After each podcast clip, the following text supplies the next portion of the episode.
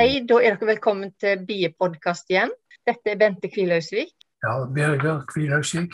Mm, sant? Og I dag hadde vi tenkt at vi skulle snakke litt om avlsarbeid. At vi ønsker oss brune bier på Vestlandet. ikke Ja. sant? Ja. Så hvis jeg har forstått det rett, så er det mange bieraser. Ja da, det er mange bieraser, og det er krysninger av forskjellige bieraser. Ja. Ja, tidligere så var det sånn at eh, det var den brune bia som rådde grunnen her. Det var mest bare den, og den hadde gode egenskaper. og Den var snill og passa godt til klimaet vårt. Mm. Hva mener du med snille? Ja, jeg mener at, eh, at biene ikke blir så sinte at de går til angrep på oss. At de er rolige, og at det går an å arbeide med dem uten at de stikker oss for mye. Mm. Og uten at de fyker altfor mye opp? Ja, de kan jo fyke opp for det, men det er ikke sikkert de er så sinte for det. Mm. Men hvis de er sinte, da fyker de jo opp, selvsagt. Ja, sant? og det kan ha med forskjellige ting å gjøre. Ja. Bl.a. vær og vind. Ja. Men er det sånn at eh, brune bier, er det det som er vanlig i hele Norge? Eller er det, eh, eller er det sånn at det, den, det er mer på Vestlandet at det, akkurat den bietypen har Nei, jeg tror nok ikke det. at Det er nok noen som vil holde på andre raser òg. Ja. Men iallfall så har Norges Birøkterlag satt i gang dette her, og de har støtta fra staten, så det er skikkelig opplegg dette her, altså. Ja, så det er På en måte så er det litt sånn uh, kulturord, altså kulturarv, og at en vil verne om det tradisjonelle, kanskje. Har det litt med det å gjøre òg? Har sikkert det, men de har jo funnet ut at det, sånn som det er blitt nå i våre dager, så har, det har kommet til flere raser og flere krysninger, da har det ført til at det, det er mer tilfeldighetene som rår, og at vi ikke lenger vet hva slags bier vi har. Mm. Så eh, Det er derfor Norges Birøkterlag har tatt tak i dette her og gått i bresjen for å avle tilbake den brune bia. Ja, hvordan er det de gjør det, da? Jo, da velger de ut bier som de mener er de reneste brune biene. og så Ikke bare det, men de velger ut etter forskjellige slags kriterier. Da, som bier som er snille og arbeidsomme og svermetrege. Det vil si at de kan sitte litt trangt uten at de svermer. Ja, Så velger de ut ei kube som de kaller for cellebygger. ja. Så tar de dronninga vekk ifra den. Ja hvordan gjør de det? Ja, det, De har nok merka dronningene, de, sånn at de leter opp dronningene og så får de til å ta de vekk. Så får den være i en annen kube imens, er det sånn? Ja, Men når vi skal flytte vekk dronninga fra cellebyggene, så tar vi og, og lokker den opp i en kasse opp forbi, og så flytter vi hele kassen vekk. Mens, Ja.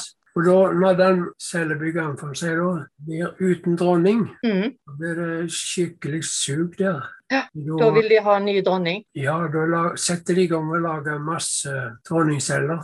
Mm. Og eh, er de, så kommer det dronning ut i hver av de dronningcellene. da. Mm. De fanger opp i et nett, og så blir de sendt til parestasjoner.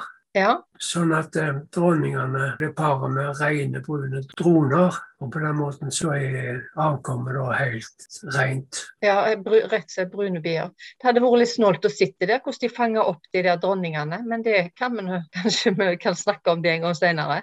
Ja, når de har merka de, da er det der å finne, altså. Jo, men eh, de vet jo ikke hvor mange der er hvis de, hvis de fanger de opp sånn. Hvis de skal fange opp dronningen. Ja, ja, sånn. Nei, de må ta de før de Enten så må de ta de ut før dronningene kryper ut, Ja, eller så må de sette et bur utenpå dronningcella. Det jo går an. ja, sånn rett før de kryper ut. Ja, Da kommer de ikke Et bitte lite bur, så de, når de kryper ut av dronningcella, så stopper de opp i det buret. Akkurat. Ja. Har du sett det noen gang? Ja, jeg har sånne bur, jeg. Ja. Vi kunne godt bruke sånne, men det er ikke nødvendig, for vi tar de ut før de kryper med, og så setter de Så det kan vi snakke om en gang senere her. Ja. Ja. Nei, så Da tar de med seg de dronningene til en plass der det kun er droner eller hannbier, da, som er brunbier. Og så får uh, Det er noen eh, på hver plass, holdt jeg på å si, som får Sånn som Karmøy birøkterlag, de fikk noen. Og, Ja, Norges Birøkterlag de leverer gratis eksemplar Ja. av avkommet til lokallagene. ja, Og eh, lokallagene de leverer da ut larver fra de reinparabiene som de får fra birøkterlaget. Så det er jo en litt spesiell prosess. Så den enkelte birøkter kan da hente avlsmateriale, det vil si larver mm. av disse dronningene. Ja. og sette de inn i sine cellebyggere. Ja, og jeg har jo sett at du har en sånn en, akkurat som en ramme med på en måte plass til hver av disse her eh, ja, som skal bli dronninger, da. Ja, det er slags celler det òg, da. Sånn som i tavlene, men de er litt større. Sånn at det er plass Ei dronningcelle blir større enn de andre. Så, så de slipper om når de bygger dronningceller på tavlene ut sjøl, og Ja. utvider dette her sjøl, for de cellene er mye mindre. Ja. Nå slipper de det, for nå, har vi, nå får de en større celler å bygge ut ifra. Mm. Der legger de larvene. De kaller det for omlarving, dette her. Ja. De tar larver ifra lokallaget, altså. Ta larver ifra denne brune bia, da. Så, Ja. Og legger i disse her eh, larvene som vi får. Ja. Ei hver. Og det er plass til 20 stykker der. Mm, ja, og da er det på en måte litt lettvint da, for biene å lage sånne dronningbier der. Ja, det er det. De er veldig villige til det, for de har, vi har jo tatt dronninger ifra dem, så Ja, og pluss lagt forholdene til rette for oss å lage nye dronninger. Ja.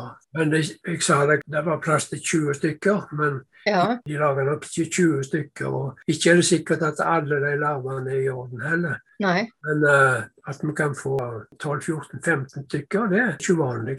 ja, det har nå du fått. Ja, for jeg er 14 nå på én. På den ene, ja. Og, ja. Og så skal jo de dronningene flyttes over i sånne avleggere da, ikke sant? Du, du har jo rigga til med sånne avleggere du, i forveien, og så skal de her eh, dronningene være oppi hver sin sånn avlegger. Ja, hvordan vi lager de avleggerne, det kan vi jo snakke om en annen gang. Ja, vi kan det. Litt mer om hvordan vi lager cellebyggeren. Mm. Og Når de nye dronningene våre kryper ut og vi skal sette i avleggerne, så kan de tas med til en parestasjon for brune bier. Det er en på Jæren. Så -hmm. det er noen som reiser der til og de parer da. Ja. De kan òg fripares i egen bigård. Så det, hvis de gjør det, så er det på en måte for at de skal raskere få færre brune bier i bigården sin, da. Ja. Mm. Hvis vi velger friparing, sånn som jeg har gjort da, i noen år nå, vil vi jo ikke få 100% rene brune bier. Nei. For hvert år som går, så vil det bli renere og renere brune. Mm. Ettersom det blir flere og flere troner fra de reinparadronningene. Mm. Så det er liksom eh, Vi har belaget oss på at dette er noe som vi bruker en del år på å få rene brune bier, ikke sant?